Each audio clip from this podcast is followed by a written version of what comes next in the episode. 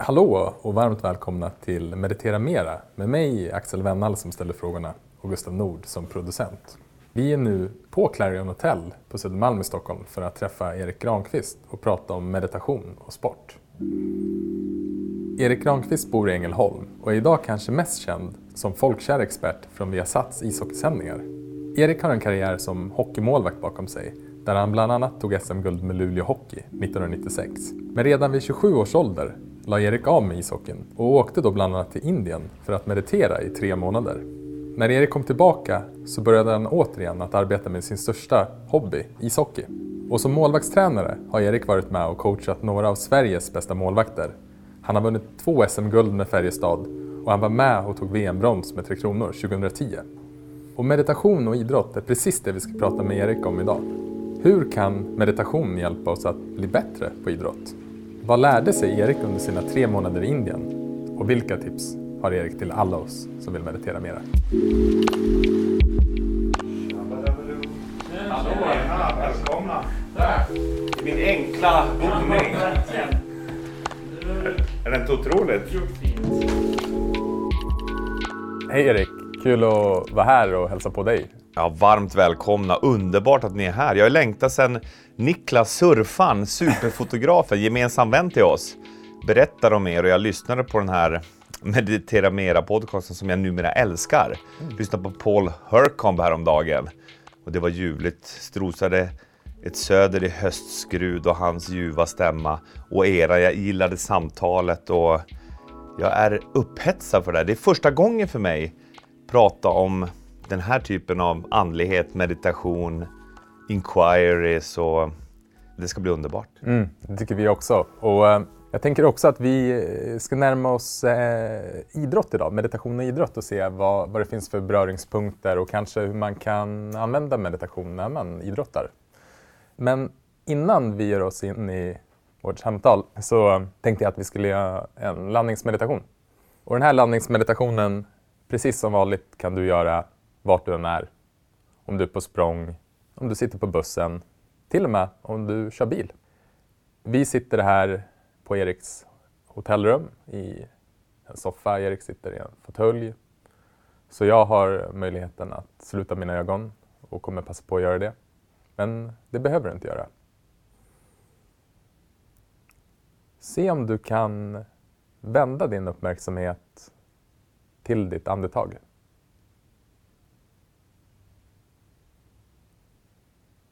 Du behöver alltså inte göra någonting utan bara se vart du kan uppleva ditt andetag som mest.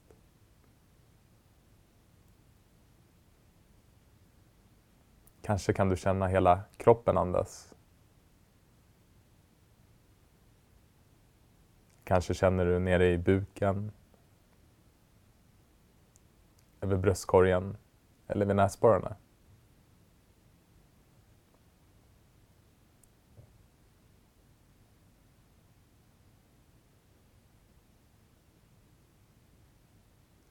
Det finns inga rätt eller fel.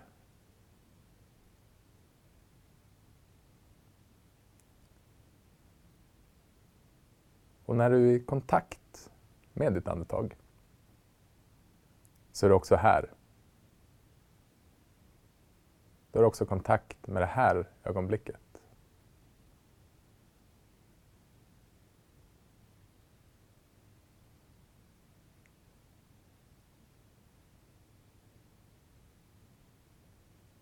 Och så kanske du märker att din uppmärksamhet försvann till någonting som ska ske senare idag eller till någonting som kanske redan har skett. När du blir medveten om det här så är du närvarande igen. Så bara vänd tillbaka uppmärksamheten till ditt andetag.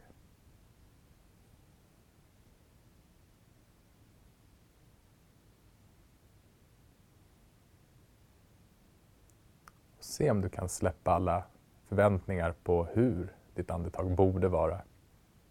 Djupt. Eller kort. Och när som helst under det här samtalet eller när som helst under din dag så kan du bara föra tillbaka din uppmärksamhet till ditt andetag. För att förankra det i nuet. I det enda ögonblicket vi kan uppleva någonting. Så det var en kort landningsmeditation. Ljuvligt, tack. Vem är medveten om andetagen som kommer och går? Den kärnan består. Hela den där minuten är ju ett mirakel. Mm. För mig är det den inre guldmedaljen. Jag är ju, du sa att du ville härleda till idrott. Jag, jag kommer ju från ishockeyn, ja. Jag blev kär i hockey när jag var åtta år. Jag såg Pelle Lindberg, alla ni som gillar hockey.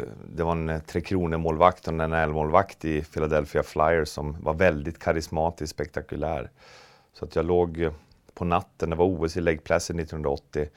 Jag fick vara uppe för pappa. Det var ingen skola dagen efter. Så att han, matchen började vid 1-2 på natten och han somnade mitt i första perioden och jag satt vaken som ett ljus och såg den här äh, reaktionssnabbe, magnetiska målvakten rädda puckar där för, för Sverige. Och efter det ville jag testa att vara målvakt och sen dess har det varit en livslång kärleksaffär med äh, ishockey som redskap för att till slut hitta hem till mig själv. Och i början var det ju en jakt på prestation, att bli bäst, att vara att vinna. Så, så hela mitt liv blev upp, upptaget av det.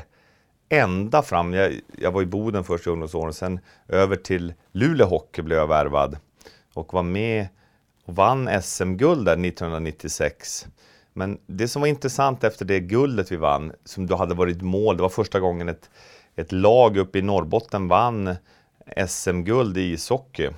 Hur tomt det blev efteråt. Eh, och trodde att det yttre målet, bara, bara vi uppnår det, då kommer vi bli lyckliga. Och, och då, då blir det ju enorm besvikelse på ett sätt. Det är ju underbart att uppnå målet och det är fester och, och det är tjo och tjim. Men sen blir det väldigt tomt. Nej, det var inte det här heller. Så jag har varit eh, med hela det energipaketet jag har ute på jakt överallt i, framförallt i prestation.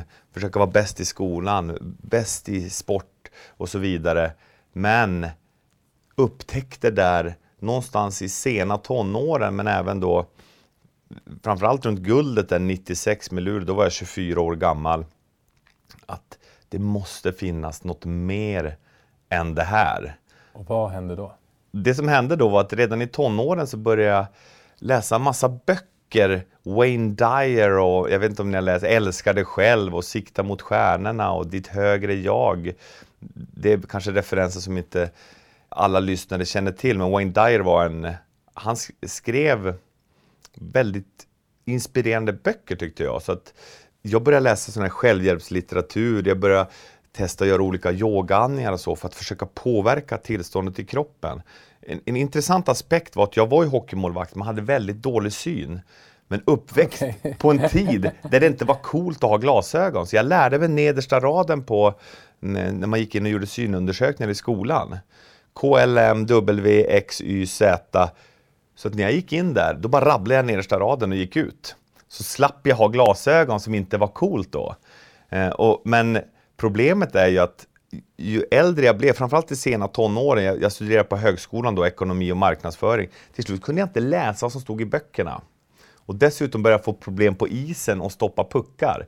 Vilket jag idag är tacksam för, för att jag kan tänka den psykiska och fysiska smärta jag fick utstå att försöka spela i elitserien med så pass dålig syn så när pucken var ute i mittzon eller bortanför toppcirkel, alltså 15 meter bort, då såg jag knappt pucken.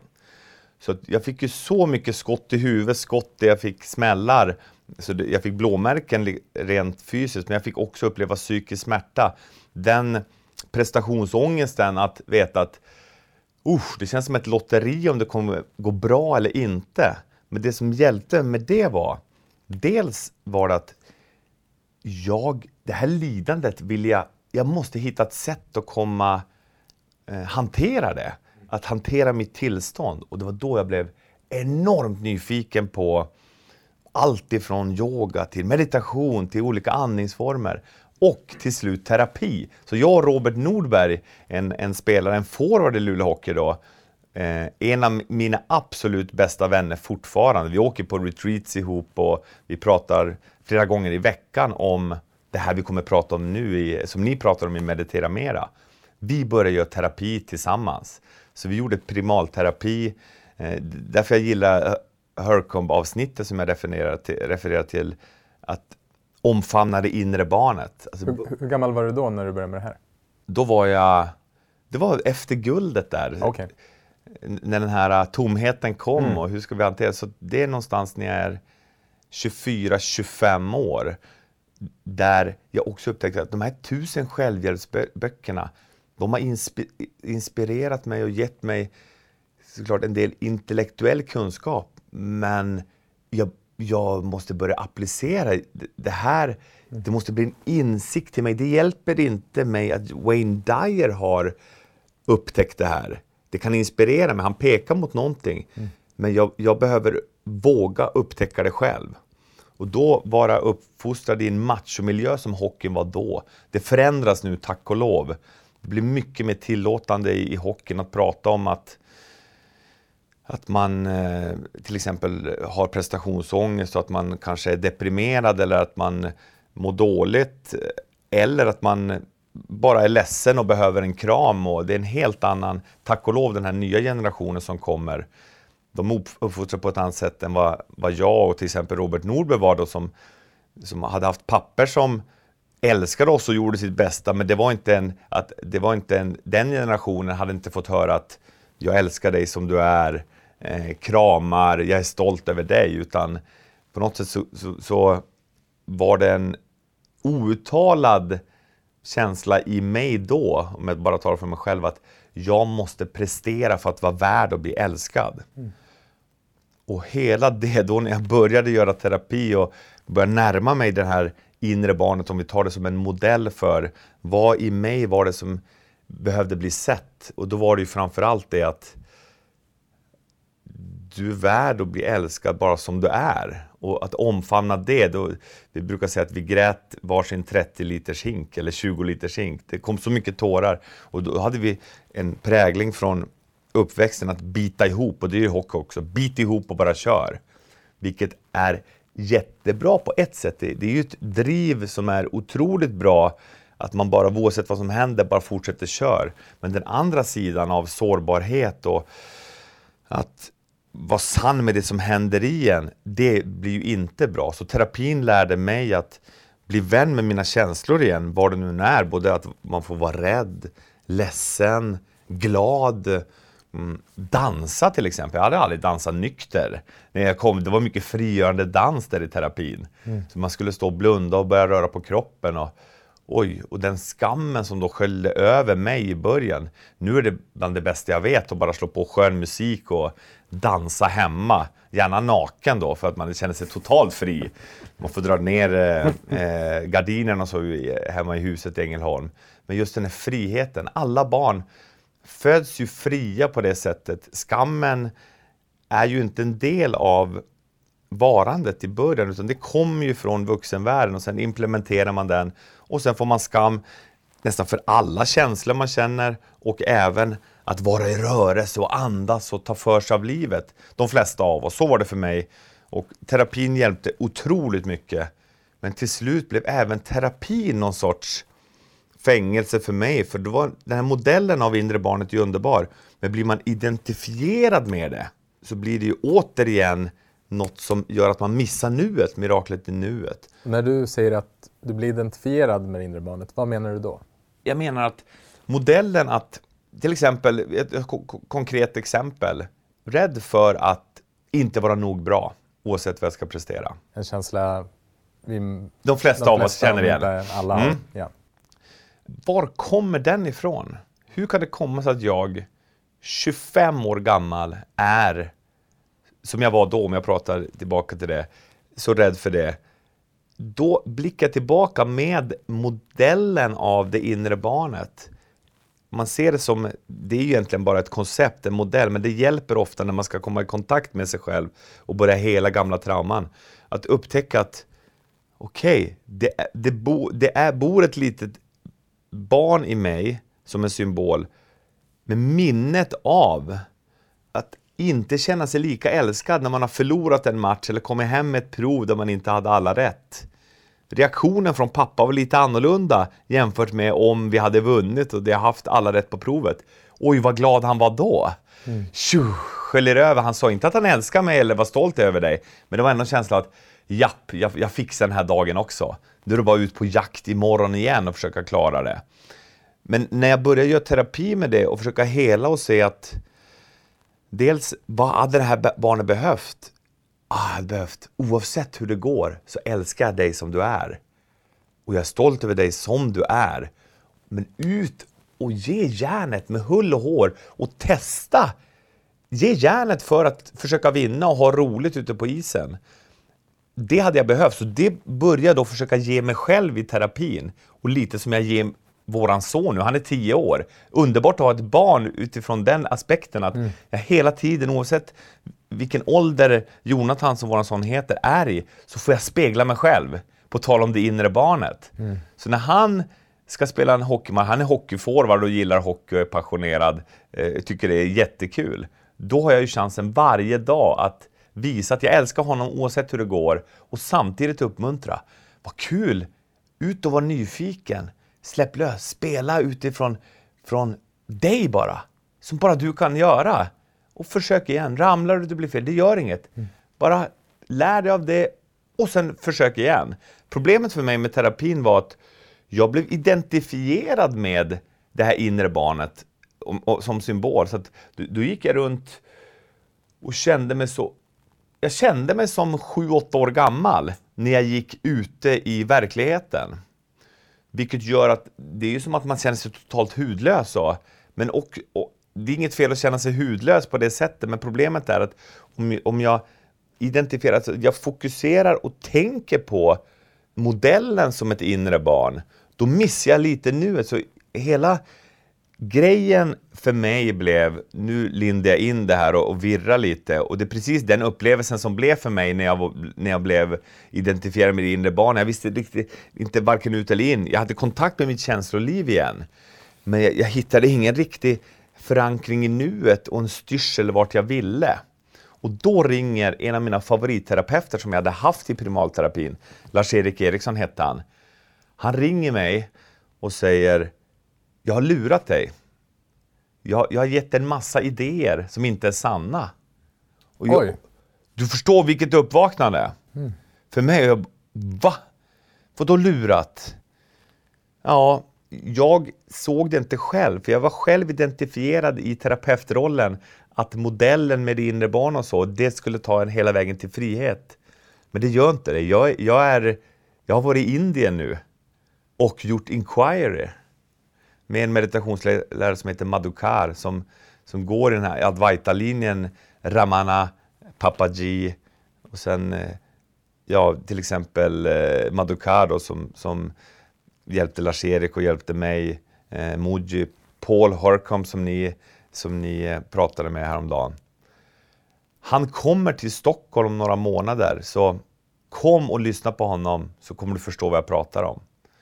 Så, så, så, det, var, det är en dag jag aldrig glömmer, för då, det var ute på Söder där på Mosebacke tror jag det heter. Vacker utsikt över vattnet där, Gröna Lund på andra sidan. Jag kommer ihåg karusellerna åkte upp och ner. Och när jag gick dit så var jag, eh, jag, jag kände mig, måste säga, livrädd. Alltså jag, jag, jag kände det här, det här kommer nog, det här kändes speciellt. Varför var du livrädd tror du? Jag, jag, tror jag var rädd att förlora mig själv. Jag var rädd att förlora identifikationen med mig själv, vet jag nu i efterhand, med allt som jag trodde att jag var. Mm. Så att jag minns när jag satte mig där, det var lite, Lars-Erik gjorde bara en, en, snabb, ungefär som du gjorde nu, att tona in i rummet, känn hur kroppen känns. Och sen kom Madukar in och satte sig, så var det en tystnad lite först. Och sen så så att vi, och direkt, boom, jag tittade in i hans ögon så var det som en elektrisk stöt i mig. För det här var något, jag kände bara, det är exakt det här jag längtat efter hela mitt liv. Hela sökandet, alla tusen självhjälpsböcker, alla hinkar av gråt i terapin, alla tjejer som man har jagat som hoppades att hon ska, ska göra mig lycklig eller det ska göra mig fri eller att hålla nollan en gång till i en hockeymatch, det ska göra mig lycklig. Jakten efter den yttre, eh, mera pengar, allt det där. På något sätt var det som att allt det bara boom försvann på en tiondel. Vad var det du upplevde? Jag upplevde bara total närvaro, bara boom. Och samtidigt som, som det var den närvaron så kom...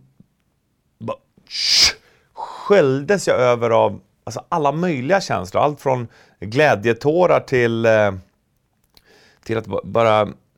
Vi kan prata om bliss body, alltså när jag började... Vad hände med kroppen? Jag bara kände att det var... Hela kroppen var, blev som elektrisk. Mm. Men satt där och tänkte, vad är det som händer? För på något sätt så, då kom ju intellektet in och bara, vad är det, vad är det som händer här? Det var en omvälvande upplevelse på, på det sättet. Och, och då ställde man då en fråga till mig, Why are you here? How can I serve you? Jag minns när jag fick micken, jag kunde knappt prata utan jag var uh, I feel the, the fear now.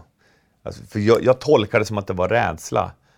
Um, och då sa han, ah, don't worry about the fear, it comes and goes. Mm. Och jag bara, va? Kommer den och går? Det var ju liksom första...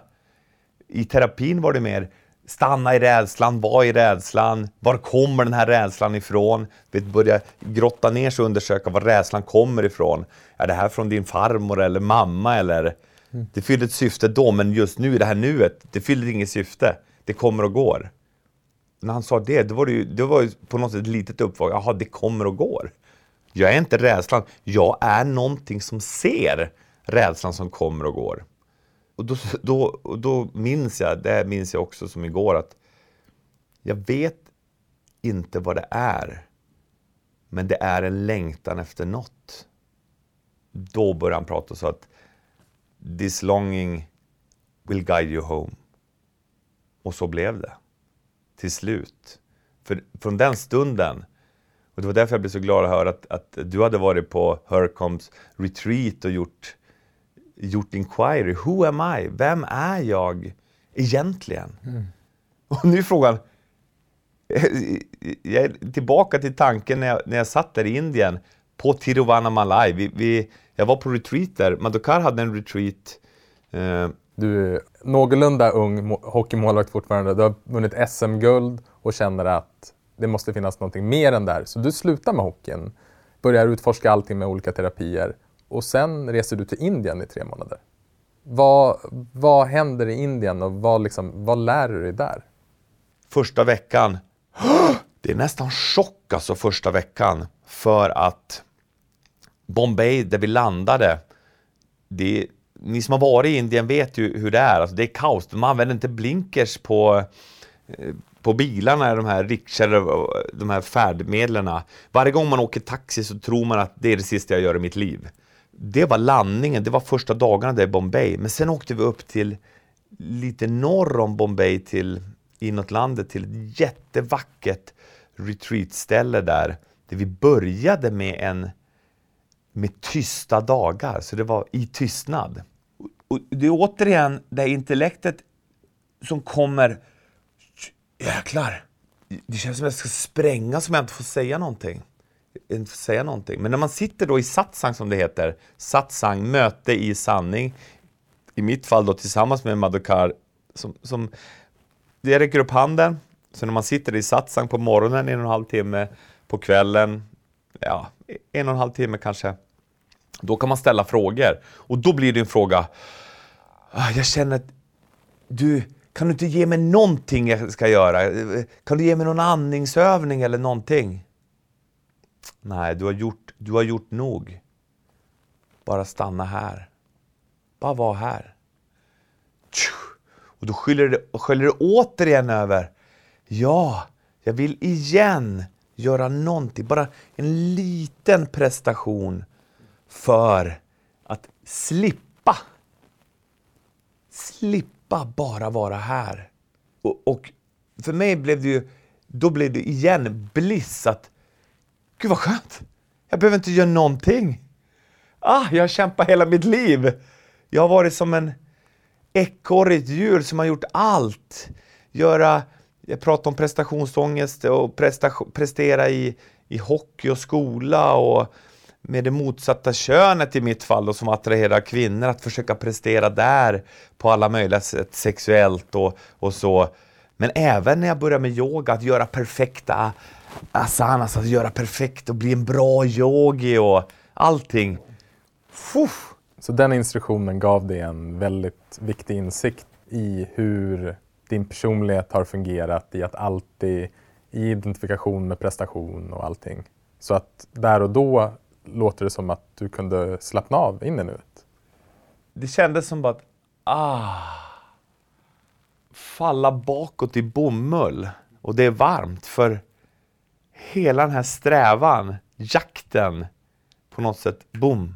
Det blir en otroligt djup insikt av, behöver inte göra någonting. Men den insikten hade inte blivit på det djupet om jag inte hade vågat att göra allting till extrem 100 procent. Mm. Om jag inte vågat med hull och hår, varenda cell i kroppen, med all kraft gå in i även det här att hitta mig själv. Men den jakten som blev en ny prestation blev hindret. Och det är därför den här enkla instruktionen, när jag utifrån panik och rastlöshet säger ge mig bara någonting jag kan göra. Mm. Behöver inte göra någonting. Och när det blir sett, det är ju, är det någonting som jag skulle vilja att alla människor på hela jordklotet bara fick uppleva i en sekund, så är det det. En, en liten... Nej, säg vad du säger. För, för du är underbar. Du är ungefär som att prata med Robert Norberg. Jag har någon utläggning och sen så ramar du in det vackert, så vad skulle du säga? Nej, men jag, en, en sak som, eh, som slår mig när du berättar om den här upplevelsen är att den ibland kan också vara, vara väldigt enkel och det är en känsla av, av avsaknad av ett bättre uttryck och begrepp, att komma hem. Och bliss och i kroppen kan definitivt vara förknippat med det här tillståndet och men det kan också bara vara en känsla av att ah, det känns så lätt. Motståndet försvinner. Eh, det är, eh, och på ett sätt så tror jag att vi, vi upplever det här tillståndet i våran vardag men vi liksom förbiser det ganska ofta också. Alltså att det, på ett sätt är det en väldigt stark upplevelse och framförallt om man har varit identifierat mycket med sin prestation mm. och sitt görande. Så att komma då tillbaka, så, så här, wow. Men det behöver inte alltid vara, i min erfarenhet, det här eh, magiska, den magiska upplevelsen. Utan det handlar inte om det, precis som du säger, utan det kan också vara väldigt, väldigt enkelt.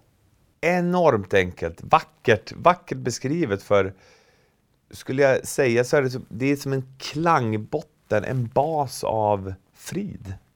Och nu har vi gått tillbaka och pratat om mina upplevelser från 20 år tillbaka i tiden, men det är ju hela tiden tillbaka till nuet.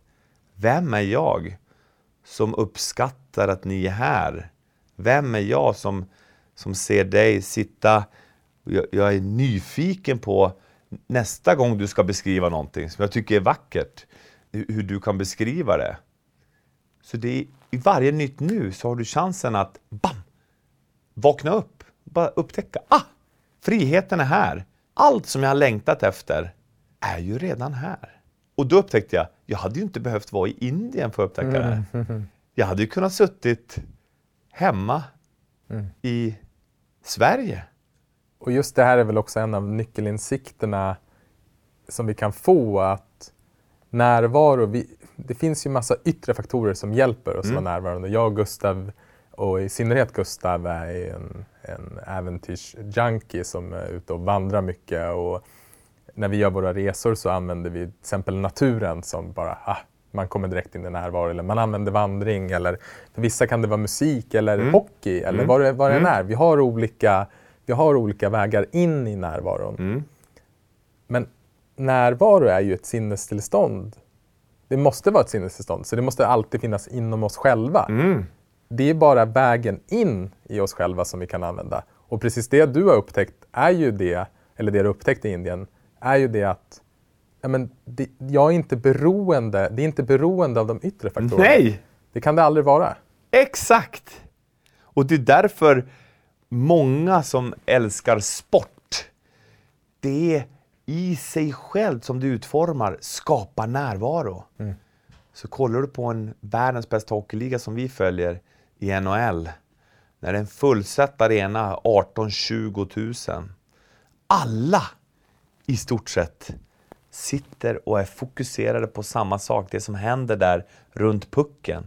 Alla spelare har närvaro mot det. Och det jag tycker är fascinerande med idrott är ju att du blir identifierad med någonting och börjar hålla fast vid det.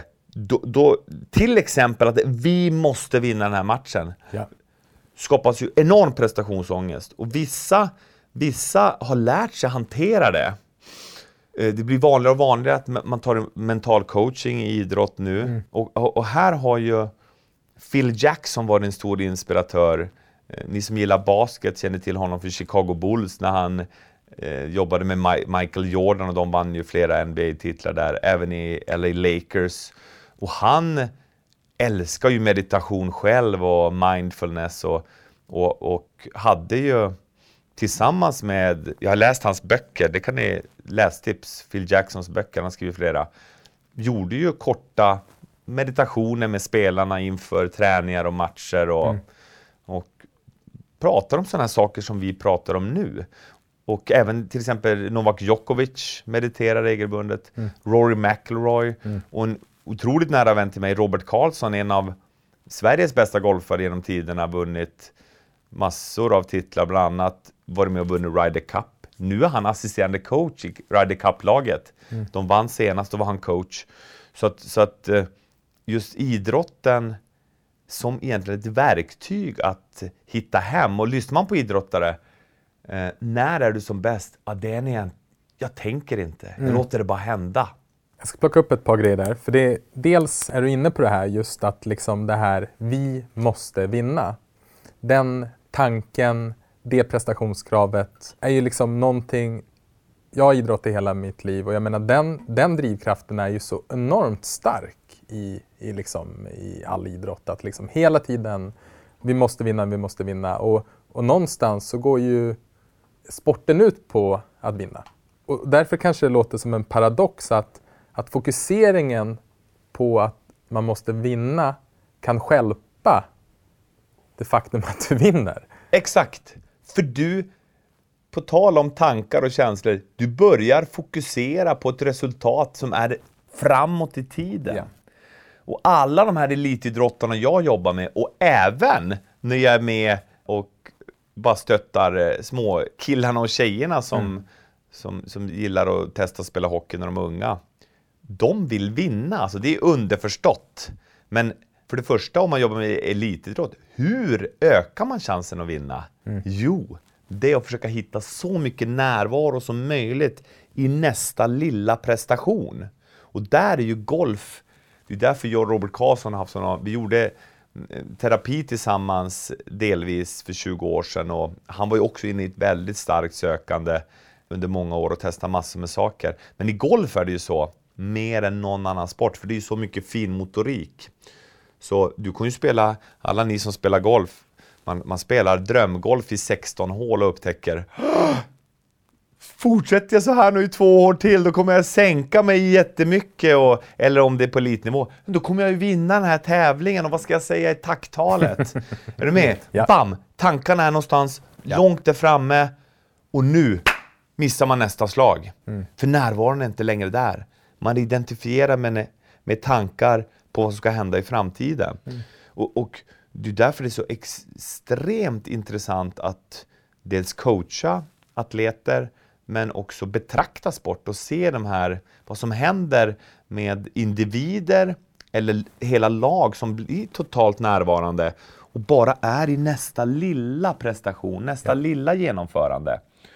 Och det som också är väldigt kraftfullt, som jag själv har använt med mina målvakter jag har coachat mycket och jag vet till exempel Henrik Lundqvist använder det.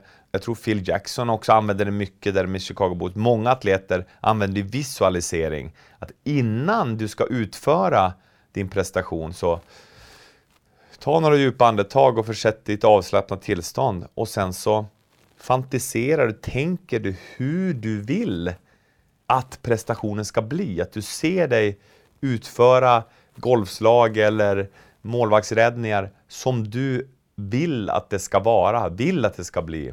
Hur du vill att upplevelsen ska bli för dig. Och du gärna ser ingen skillnad på det man faktiskt gör eller det man fantiserar. Och, och då är det ett väldigt kraftfullt verktyg mm. att använda innan. Mm. Men sen när du väl är mitt i prestationen, ja. då är det enormt gynnsamt att, att ha det här närvaron, alltså clear mind. Du bara responderar till, till nuet. Mm. Och titta på de, Niklas Lidström jobbar med oss på Viasat. Peter Foppa Forsberg, nu nämner jag två av världens bästa hockeyspelare genom tiderna. Och Sveriges två bästa genom tiderna enligt mig. Och båda de var ju fenomenala på att bara ut och respondera till det som händer exakt mm. i nuet. De, de, de, hade ju koll på, i de här situationerna brukar jag göra så här, men samtidigt hade de modet och, och sinnesnärvaron att bara göra det de upplevde var bäst i den situationen just då. Och sen så kan de titta på video efteråt. Lidström berättar bland annat, vilket jag jobbar ofta med, med de målvakter jag har coachat, både vunnit flera SM-guld tillsammans, bland annat i Färjestad. Jag har även coachat i Tre Kronor. Använder den modellen att dels använda andningen under prestationen. Man kan ta en, två, tre tactical breath kallad Navy Seals. Mm. Man slappnar av i magen, man andas in djupt fyra sekunder ungefär genom näsan och så släpper man ut 4 till 8 sekunder. Så gör man det två, tre gånger, påverkar tillståndet i kroppen. Och det är under man är i matchen, kanske efter en när det var en tekning i hockey till exempel, kan man göra det under en tekning och sen bara mm. tju, total närvaro. Läs vad som händer. Mm. Men efter prestationen, när man summerar alla de här små prestationerna, äh, nu är matchen, hockeymatchen slut eller golfrundan slut. Då kan man summera. Ah, jag landar på 72 slag idag. Eller, vi vann med 2-0. Men under prestationens gång så har man inte varit så upptagen med undra vad slutresultatet ska bli. Tänk om vi förlorar idag! Mm. Det här är det! Eller tänk om jag slår i vattnet. Inga tankar på det. Bara tankar på det man vill mm. ska hända. Men efteråt, titta på video. Det här är ett jätteeffektivt coachingverktyg som, som jag använde alltid var man tar ut de sekvenser hockeymålvakten har varit inblandad i och sen får hon eller han titta på dem. Och det är egentligen två frågor. Hur upplevde du den situationen? Om de säger att ah, jag upplevde det så här eh, så, och, och, det är så här jag vill spela här, så det ska jag fortsätta med. Härligt, mm. gör det. Ibland, och det, det här Lidström berättade för mig att han gjorde under sin magnifika karriär där i Detroit, var att han tittade på sekvenser där han mm, det där blev nog, vad hände där egentligen? Så då tittade han, det gjorde jag även med målvakterna när det blev mål bakåt eller kanske situation de, det blev inte riktigt som man hade tänkt sig. Hur upplevde jag den där situationen? Vad var det som hände egentligen? Och sen, vad kan du göra annorlunda nästa gång? Ja. Och då programmerar man, visualiserar, okej, okay, jag skulle kunna vara lite längre in i första läget, då hade jag hunnit över. Jag ska prata med backen dessutom och säga att vårt samarbete kan utvecklas. Härligt! Se dig själv göra det. Återigen visualisering. Bara snabbt se sig själv. Just i det där läget skulle jag vridit, varit lite längre in, vridit och tryckt över. Boom! Inte bara har man vågat utan att vara associerad med med upplevelsen utan bara tittat liksom som att det är någon annan som upplever det i stort sett. Titta på videon, ja ah, så här såg det ut. Vad, hur upplever jag det? Är det något jag kan göra annorlunda nästa gång? Ja, så här. Se, hör, känn, visualisera hur du vill göra nästa gång. Och då när du hamnar i liknande situation nästa gång, då är chansen större att du gör på det sätt som du vill göra. Martin Brodeur, en av världens bästa hockeymålvakter genom tiden också, han berättade för mig när han gästade vår NHL-studio att efter varje match så tog videocoachen ut alla puck-touches, alla gånger han hade rört pucken. Så inför matchen efter, då satte han sig två timmar, tre timmar innan nästa match och tittade på föregående match och gjorde precis det jag beskrev nu och sen gick han ut. Mm. Och det är också ett sätt att få spelförståelse som atlet och det är många sporter, golfare gör det. Jag vet Robert Karlsson, ibland om man, om man känner att oh, jag har lite tappat spelet, det känns som att jag tvivlar på mitt spel. Gå tillbaka och titta på en tävling för ett år sedan eller tio år sedan när det såg ut som det kändes bra. Det, finns, det är sådana här knep man kan använda mm. inom sporten. Det här var en liten sportavvikelse, men det är väldigt intressant som du säger. Närvaro är ju A och O för att njuta och bli framgångsrik i idrott. Och jag tänker att när det kommer till idrotten, även om man idrottar på en nivå där man kanske inte Idag har vi väl alla på, olika sätt möjlighet att kunna filma oss själva men där man kanske inte kan ta in en professionell videohjälp och, eller har egentligen intresse mm. av det. Så precis det du pratar om, att så här, okay, men när presterar man som bäst? Ja, men det är när man slutar tänka, när man är i närvaro.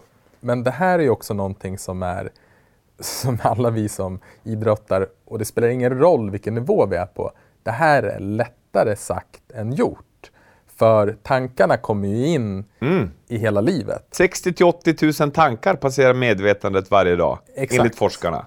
Och, och det här med liksom så här, så instruktionen i det här fallet är inte sluta tänka. Absolut inte. Och det, och det är en viktig skillnad, utan, utan, men däremot, och det var också intressant att du tog upp Phil Jackson då som var den här legendariska coachen i Chicago Bulls med Michael Jordan och Lakers med Kobe Bryant.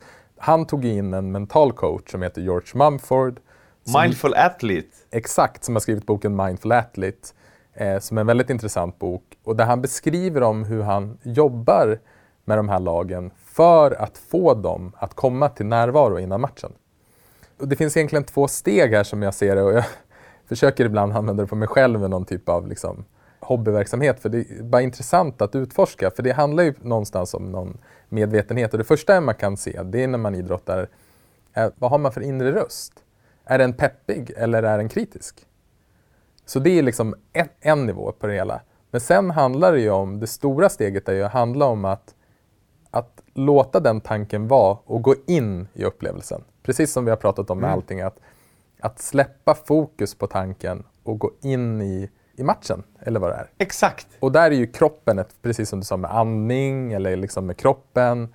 Och det som är intressant och, och, det som jag också vill ta upp lite grann med det är ju att, att meditation är ju precis en teknik för det. Låta tanken passera, komma tillbaka till närvaro. Mm. En känsla kommer, komma tillbaka till närvaro. Så genom att sitta och meditera och öva upp den här mentala färdigheten av att kunna vara närvarande så kommer ju du också, om du idrottar, kunna vara mer närvarande inom idrotten. Och är du mer närvarande när du idrottar så kommer du prestera bättre hur används du som har varit eh, mental coach eller coach, mm. målvaktscoach och inom i hockeyvärlden? Ser du att man använder meditation eller liknande mentala tekniker i, för idrottare och ishockeyspelare? Du beskriver det fenomenalt. Eh, individuella idrotter har ju det här varit en del länge, för där hänger ju allt på en själv. Och då, det, det upptäcker de ganska fort. Hur kan jag optimera min fysiska träning, taktiken, materialet. Mm. Men till syvende och sist, det mentala. Och där kan man ju säga att eh, allt ifrån, om vi blickar tillbaka, Lars-Erik Unestål och uh, Willy Railo var ju bäst när det gäller, känner väl många till. Det, det, det här är ju, kom ju för ja, men 30, 20, 30, 40 år sedan. Men det var mest individuella idrotter först. Men senaste åren, tack och lov, så har det blivit att även lagidrotter som hockey, som jag var verksam i, tar in och ta hjälp av mentala coacher som både jobbar med individen men även jobbar med gruppen. Och Mindful Athlete är en, en, bok som jag har nedladdat på telefonen som jag lyssnar på då och då. Otroligt bra. Samma Phil Jackson som också jobbade både med lag och individer. Och som du säger, tankar kommer och går. Eh, den inre dialogen, att göra inquiry på den inre dialogen är ju väldigt intressant för att lära sig om sig själv. Men när du är mitt, när du är mitt i prestationen, då är ju det absolut bästa verktyget som jag använder, som jag vet att Novak Djokovic, jag lyssnade på en intervju på en podcast med Lewis House. Det kan ni lyssna på. School of Greatness, ett poddtips där. Mm. och, och lyssna på intervjun med Djokovic. Då frågar Lewis, vad är det viktigaste du har lärt dig genom idrotten? Då funderar han lite, säger han. Hur andningen påverkar tillståndet. Så andningen är det absolut viktigaste som man har lärt sig. Påminner om Navy Seals Tactical Breath. Man andas in, slappnar av i magen när man andas in, andas in genom näsan fyller magen, fyller bröstet, fyller upp mot huvudet. Alltså det är, jag vet att lungorna sitter där, men det är med en känsla av en, två, tre och sen slappnar av. Och när Navy Seal använder det, som är den mest stressade situationen, det är ju på liv och död där. Och de använder tactical breath, den här, de tar två, tre sådana tactical breath innan de går in i combat. Då förstår man att ah, det här är ju någonting som som man kan använda i Battlefield of, of Athlete, alltså när man är ute på, och det är absolut inget krig när man är ute på en hockeyring till exempel, men, men däremot så är det ju en miljö som är väldigt stressande. Det är väldigt mycket yttre saker som kan distrahera, mm. som också den inre dialogen kan distrahera som du var inne på. Och då blir det här andningen som ett verktyg. Andningen är alltid i nuet. Mm. Alltid, var du än är. Vilken situation, det kan vara stress, det kan vara vad du än hittar på, så är andningen alltid där. Tillgänglig som ett eh, ankare i nuet. Och det är därför det är så effektivt att du kan använda det bara genom att ändra sättet att andas så påverkar man tillståndet i kroppen. Mm. En annan sak som du också slår mig med den inre dialogen som eh, som är användbart både på idrottsplan men i livet är ju att vi alla har ju olika röster, olika inre dialoger som pågår hela tiden. Det är en del av hur hjärnan bearbetar all information och, och sen liksom, som vi uppfattar som olika tankar. Det som är intressant och det man kan börja upptäcka är ju att vi vet aldrig vad vi ska tänka härnäst.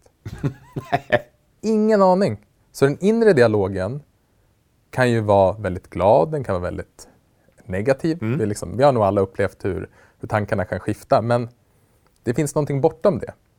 Och det är en insikt att jag eller du kan inte påverka vad jag tänker, men jag kan påverka hur jag förhåller mig till de här tankarna. Alltså, jag kan ändra min relation till det jag tänker. Jag kan se, bara liksom då att kunna se de här tankarna och inte identifiera sig återigen tillbaka till mm till liksom din upplevelse på berget mm. i Indien och hur det kan appliceras in på när vi idrottar eller i livet i mm. stort. Mm. Och där i känner jag har liksom nyckeln för mig varit att ah, okej, okay, jag behövde inte ta den här negativa tanken på lika stort allvar. Jag behöver inte helt identifiera mig med den. Och jag gör det gång på gång på gång, det är inte så. Det, jag faller in i det igen. Men mer och mer, ah, okej, okay, den här tanken, den är inte värdefull just nu. Jag behöver inte den i det här samtalet med dig här. Och sen blir det också humor. Det är två områden i livet där jag får möta och alla människor får möta sig själv mer än något annat. Och det är ju relation till de man älskar mest. Ens partner. Alltså oavsett sexuell läggning eller i mitt fall så är jag heterosexuell. Jag är attraherad av Yvonne. Vi har varit tillsammans i en relation i 16 år. Det finns ju få ställen där jag får möta mina djupaste rädslor, mina djupaste tvivel som i den relationen. Och, och det, det är det som är, och jag, jag skrattar lite, du beskriver det fint för det är ju så fascinerande av en djup kärleksrelation och det är ju även gentemot sitt barn som man älskar mer än någonting annat. Jag var inne på att man speglar sig själv i olika faser. När barnet är ett år, ja, då får man på något sätt möta sig själv när man var ett år. Och nu, i vårt fall, han är tio år, då får ju jag möta mig själv när jag var tio år. När han går igenom jobbiga saker för honom i, i hans lilla värld, som ju är jättestora, då kan jag ju med, med vuxna jaget se att oh, ja, det här kommer ju definitivt passera. Alltså det var lite jobbigt där med något som hände där på skolgården eller någonting. Ja, då får man mm. prata om det. Man kan se enkelt med vuxen jag, det här kommer passera. Men för honom är det inte enkelt att se. Och då blir man ju lite på något sätt en spegel som min meditationslärare var för mig att spegla någonting som är bortom det här som man upplever just nu, som kommer och går. Mm. Och det tycker jag är vackert. Ibland brukar jag fundera, varför la jag en halv miljon mina pensionspengar på terapi? Varje gång jag kan krama Jonathan och säga, ah, jag älskar dig. Jag är så stolt över dig. Att du är så omtänksam och, och att du vågar gå ut och spela hockey med hull och hår. Och jag älskar dig oavsett hur det går. Jag älskar dig både för det du gör och också för det du är. Och säga det och, och känna det och, ah, och känna hur han, mm, jag vet pappa, jag älskar dig också. Det är ju värt allt. Det är värt all terapi, slå i kuddar, du vet allt man har gjort för att till slut komma hem till sig själv och nu kunna ha en relation till ett barn där det är det är bara ett kärleksflow och, och sen så händer något, testa gränser, man får sätta sig, vad hände här? Mm. Och, och också våga, det är ingen fara att och liksom ibland bli, upp, liksom, man, man blir förbannad och säger nu, nu han har ofta kompisar hemma, han är enda barnet så kul när kompisar kommer hem och, och spelar landhockey och så. Ibland så, ja, då, jag har enklare, jag kallar det för Bultens fritids. Då kommer de efter skolan vid två. Eh, och sen så, hej, tack, hjälp, förlåt. När man kommer säger man hej, hälsar. Hur är läget idag? När man får någonting, om jag fixar mat till dem eller fika något, säger man tack efteråt. Behöver man hjälp med någonting, ja då, då ber man om hjälp. Det är inga problem. Det var en stor grej jag lärde mig i terapin också. Man kan ju be om hjälp. Jag har ju ganska dåligt lokalsinne, så jag har gått och irrat runt om i städer runt om i världen. Det kunde ta flera timmar innan jag hittade rätt. Men nu har jag kommit på, det är bara att säga hej, kan du hjälpa mig? Alltså det finns och, och då hade du dålig sikt också. Jag har dålig sikt också! Så det, det är ett mirakel att jag, eh, att jag lever överhuvudtaget. Jag så otroligt eh, dåligt lokalsinne, det har jag fortfarande. Och du var inne på det i början på den här podden, att, att meditation eller inquiry inte blir en flykt ifrån eh, vad man upplever i nuet, utan för mig är det tvärtom. Ah, det är oändligt utrymme att våga utforska, att ha en intim relation med, med en partner. Att våga möta sitt barn oavsett var, var det befinner sig, vilken fas i utvecklingen. Du... Utan att döma, utan att bara se, nu händer det här. Och ibland, som jag sa, killarna ibland, ja men de bryter överenskommelser vi har. De, de struntar att duka undan och bara sticker iväg hemifrån utan att säga till. Ja men då när de kommer tillbaka, killar, det här är inte acceptabelt. Vad händer? För det första, så blir, jag blir jätterädd.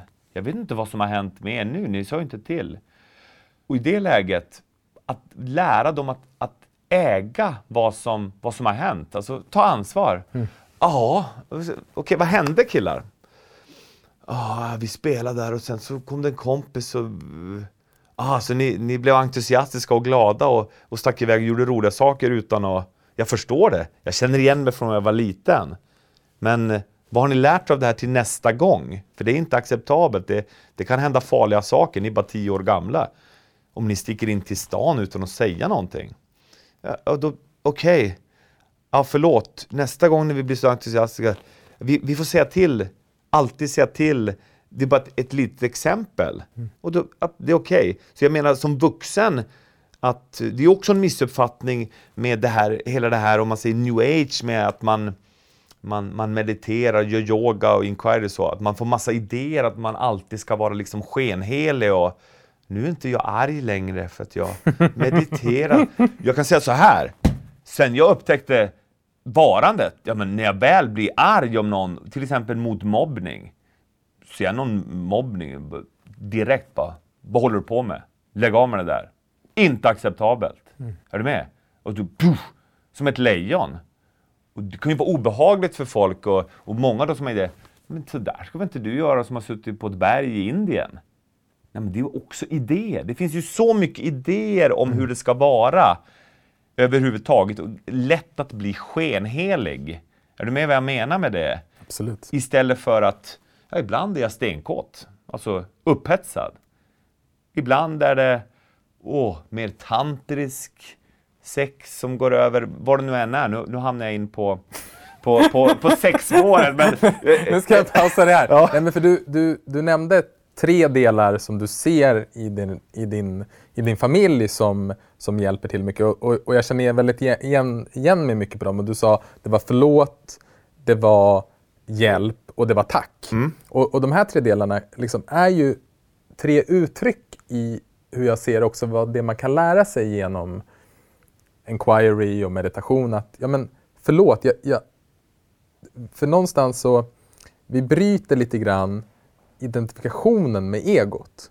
Och egot har svårt att säga förlåt. Exakt. Och att be om hjälp. Och be om hjälp. Och det vi börjar upp, liksom känna mer och mer när vi kommer i kontakt med oss själva är ju tacksamhet och när vi är i närvaro. För då får vi en betydligt mer balanserad bild och ser att, ja men, ha, det här, wow. Du gjorde, eh, vad hette kaffet nu igen till oss? Bulletproof coffee. vi, fick testa Bulletproof coffee här som, som du gjorde med eh, en espresso, det var någon typ av kokosmjölk. Ja, någon form av kaffe, MCT-olja som är utvunnet ja. ur eh, kokosnötsolja ja. Och lite GI, G-H-E-E. -E. Ta, en, ta en kaffe, ta en matsked mm. MCT-olja och en matsked GI, vispa ihop. Det finns att köpa sådana här små eh, vispar. Så man, nu, nu batterierna var slut, som av en slump, när ni kom här. Så vi fick vispa med sked. Det är tillbaka till gamla tibetanska yogisarna, som, som munkarna som mm. Det kommer därifrån. De blandade te med sånt där, någon typ av fett. Och då står man sig hela morgonen. Mm. Så det är en lifehack. Det här var en avstickare nu och jag börjar bli väldigt kissnödig. Jag sa till er innan att, att jag har mätt upp min blåsa. Den är lite mindre än, än eran mest troligt. Bra, då tänker jag att vi ska använda det för du ska ställa så ska du få fatta det kort. Ja. Innan du får gå. Vad har du för lifehack till alla när det kommer till meditation? Vad har du för tips till dem som eh, vill meditera mer? Börja med att medveten om andningen. Ta några Ta några djupa andetag som jag varit inne på. Andas in genom näsan. Näsandning som vi ska försöka göra så mycket som möjligt det, kan vi också, det är också ett rabbit hole man kan gå ner i, men, men sök på Youtube eller gå in och, och kolla varför nose breathing är mycket bättre än munandning. Enda gången man ska andas genom munnen egentligen, ja det är ju när man pratar så andas man ju ut genom munnen, men, men också när man anstränger sig så pass intensivt fysiskt så att man måste ta in så mycket syre som möjligt till musklerna. Men annars om du är ute och joggar lätt, om du går runt i vardagen och håller på med vardagsbestyr, andas genom näsan. Och framförallt om tips på meditation, andas genom näsan, triggar det para sympatiska nervsystemet. Det sympatiska, det är ju kamp och flykt. Det parasympatiska, det är avslappning. Eh, och näsandning triggar det parasympatiska. Ta bara några, betrakta andningen, man kan styra andningen två, tre andetag. Sen bara låt den, låt den vara. Betrakta när den kommer och går. Betrakta förnimmelser i kroppen. Hur är upplevelsen i kroppen just nu? Vem är det som upplever kroppen? Och den ultimata frågan. Vem är medveten om medvetenheten? För meditation kan ju alltid bli en fälla och blir för många liksom yoga. Att man är ju redan i nuet, men man vill använda meditation och yoga för att bli närvarande. Men det är lätt att det blir en ny duktighetsidentifikation så att man skjuter upp det igen. Och Det är därför du kan träffa extremt frustrerade meditationsfigurer som har hållit på i 20, 30, 40 år. Men de är miserabla. För de är identifierade med att vara duktiga meditatörer eller duktiga yogisar. Och det kanske de är. Men de missar det sista steget. Vem är det som mediterar? Vem är det som yogar? Men för att ta tillbaka det då till hjälp, förlåtelse och tacksamhet så kan man ju också se att ens utveckling inom närvaro, ja men inom idrotten så tävlar man mot andra hela tiden och man, man vinner eller förlorar. Och här går ju verkligen inte det att jämföra på det sättet utan du kan aldrig jämföra dig med någon annan. Men det du kan göra är att du kan använda de här tre som någon typ av måttstock hur du själv utvecklas inom det här. Har du förmågan att säga förlåt oftare? Har du förmågan att be om hjälp oftare? Och känner du mer tacksamhet? För alla de tre pekar ju ganska tydligt mot ett liv av närvaro. Vackert. Nej, men det, det, det, det är exakt, exakt så. Och det är en kärleksaffär med sig själv som, när det delas med andra, blir magisk. Så att få tillsammans med Yvonne i 16 år och bara känna att ah, jag älskar henne mer och mer för att det finns mer och mer att älska. Och i samma stund så upptäcker jag mer och mer saker att omfamna i mig själv och också älska. Och det är därför den här, jag skulle kunna sitta och prata om det här med er i flera timmar. Just för när du beskriver saker så vackert också, ungefär som när jag pratar med Robert Nordberg eller Andy Svärd eller Madukar eller vem det är. Även Robert Karlsson, golfaren, tipsade om att prata med honom i den här podden också. Även Andy Svärd och Robert Nordberg skulle vara väldigt intressanta gäster i det här ämnet. På något sätt, tiden slutar existera. Det blir bara ett utforskande och, och du beskriver utifrån dina insikter och dina sätt att beskriva eh, saker som är svåra att grasp, de är svåra att, att ta på. Utan du beskriver utifrån erfarenheter och insikter. Och då blir det bara ett delande, det blir bara ett flow.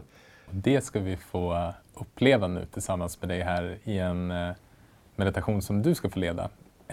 Jag ska, bara, jag ska komma tillbaka dit. För jag tyckte det var intressant hur elitidrottsmän och några av liksom världens främsta, som till exempel Niklas Lidström, hur han förhåller sig till misstag. För jag tror att vi alla har någonting att lära sig av det. Även om han nu gjorde det inom ramen av ishockey så är det ju liksom förhållandet han har till misstag, att använda det som en feedback för att hela tiden kunna lära sig. Så tänk om man kunde göra så med livet, att allting där vi gjorde misstag, att bara, ah, okej, okay, här är det här är, det här är liksom en feedback till mig som jag kan lära mig av. Det vi rubricerar som misstag är ju egentligen bara en erfarenhet. Mm. Så utan att sätta etikett på det, och det, det är ju ljuvligt och det är ju sån frihet att se att behöver inte vara rädd för att det sker så kallade misstag. Mm. Och det är just den här, det var en anledning till att jag började terapi också, att den här strävan efter perfektion blev ju så jobbig. Alltså den, den blev ju nästan så jobbig som man, man knappt ville fortsätta leva för att det är ju så jobbigt att försöka vara perfekt. Idén om att vara perfekt. Mm. När det är det levande, det kreativa, det imperfekta som är perfekt i sig själv. Och det förhållningssättet, jag var på is med Sidney Crosby jag jobbade med en målvakt i Kalifornien för några år sedan och Sidney Crosby som är en av tidernas bästa hockeyspelare. Hans skillscoach, Daryl Belfry heter han. Ehm, så ni som är intresserade av hockey kan gå in och kolla på hans Youtube-kanal Daryl Belfry. Jobbar med Matthews, Patrick Kane, Crosby, Tavares med flera. Och han sa, det viktigaste när du jobbar med ungdomar, men även med de bästa i världen, är att skapa en miljö där de inte är rädda för att göra misstag. Mm. Så när jag var på is en och en halv timme med Crosby, där jag skulle kunna prata en hel podcast om det. Det finns så mycket visdom där, när man betraktar en av de främsta atleterna alla kategorier. Men det var att han, han ramlade några gånger. tänkte, Åh, Crosby ramlar två, tre gånger.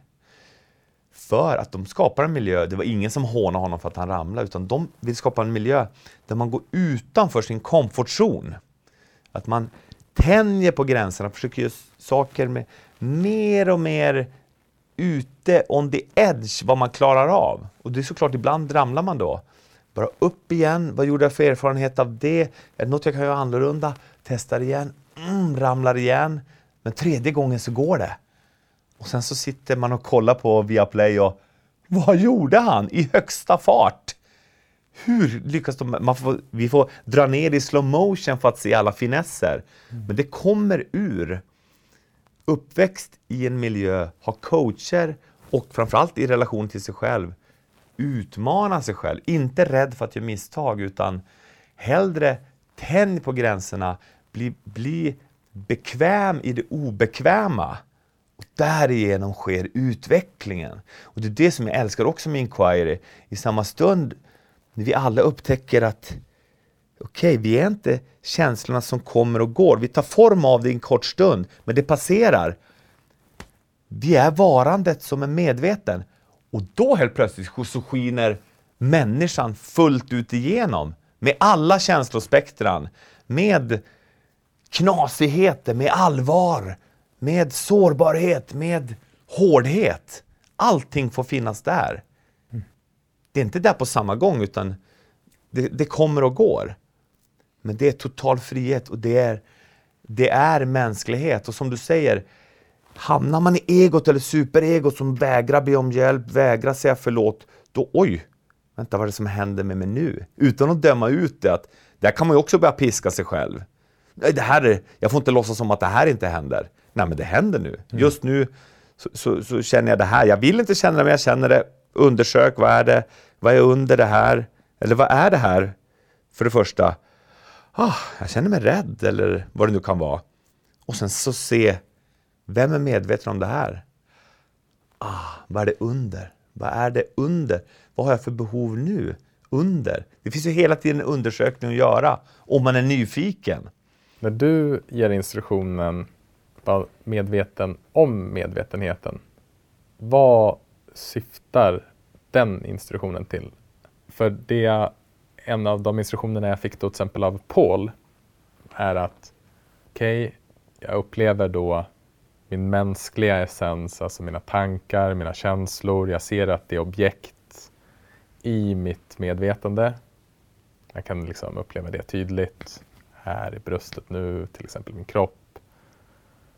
Och sen kan jag liksom komma in i närvaro. Så att jag, jag är i närvaro. Men även det, alltså being som han beskriver. Mm. Även det kan jag uppleva. Exakt. Så vad är bortom det? Exakt. Så, så being i det här fallet är det du pekar mot medvetenhet? Du beskriver så bra. Mm. Och sen är det det som inte går att beskrivas. Ja. Vem är medveten om det? Ja. Och sen finns det inga, längre, det finns inga ord tillgängliga Nej. mer. Så låt oss undersöka. vi har ju pratat idag om, eh, om meditation och vi har ju försökt, du och jag, liksom, ja, men peka mot en upplevelse. Så jag ser väldigt mycket fram emot att bli guidad in i den här upplevelsen av dig. Kan inte du berätta eller ta oss med på den här meditationen? Jag kan börja säga att det är glädjande nyheter här i nuet. Vi behöver inte göra någonting. Vi behöver inte ens försöka att inte göra någonting. Bara låt allting vara som det är just nu.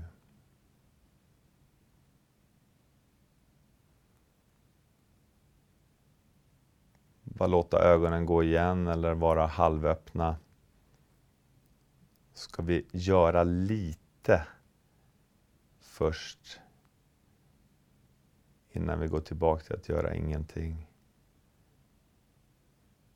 Rikta uppmärksamheten på andningen.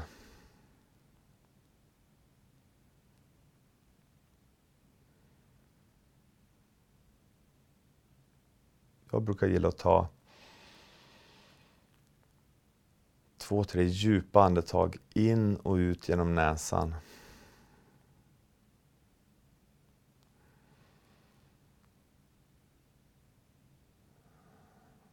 Slappna av i magen. Sen andas in genom näsan. Låt naven komma ut. Fyll lungorna. Och släpp taget på utandningen. Låt naven komma in mot ryggraden.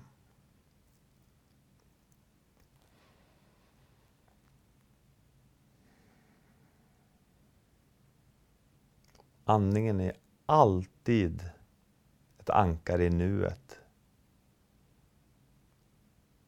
Någonting att komma tillbaka till för att skapa närvaro.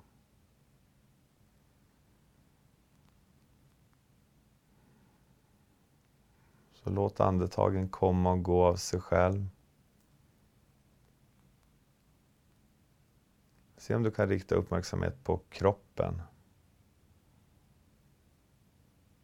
Hur upplever kroppen just nu mot underlaget?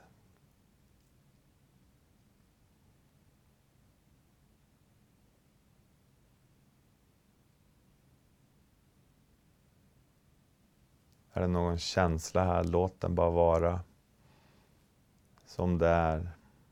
Inget att stöta bort, inget att haka på.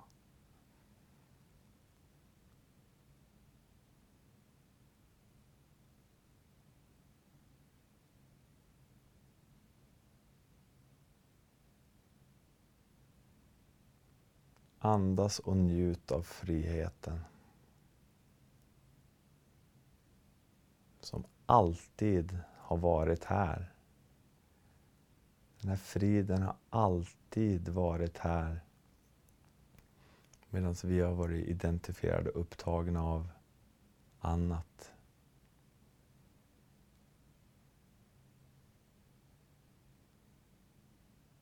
Jakten på någonting längre bort. Så vi har missat diamanten som redan är här. Den inre guldmedaljen.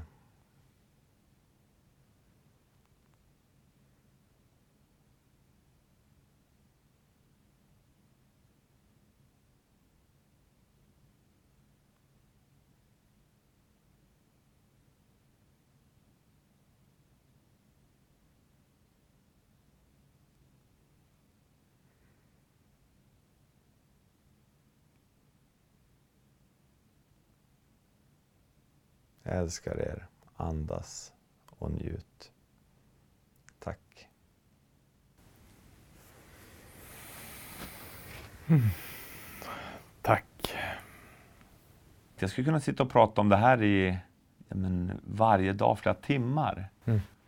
För på något sätt, okej okay, jag har hockey som hobby och älskar det, passion och det är jättebra att göra det, ha det som jobb, ha sin hobby som jobb.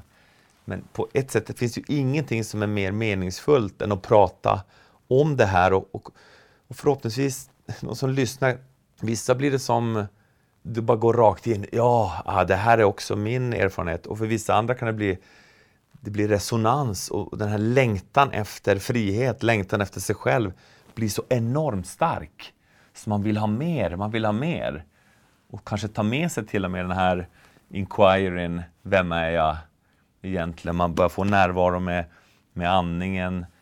Man blir närvarande i nuet med det man gör i kroppen och med känslor och tankar. Men samtidigt så, så menar jag den här ultimata frågan. När man har gjort det, man har skapat en kroppslig närvaro och en mental närvaro. Vem är medveten om den medvetenheten? Mm. Och det kan man inte prata mer om, för, för där, är, där är det mysteriet. Mm. Det är det som är ultimat frihet för mig.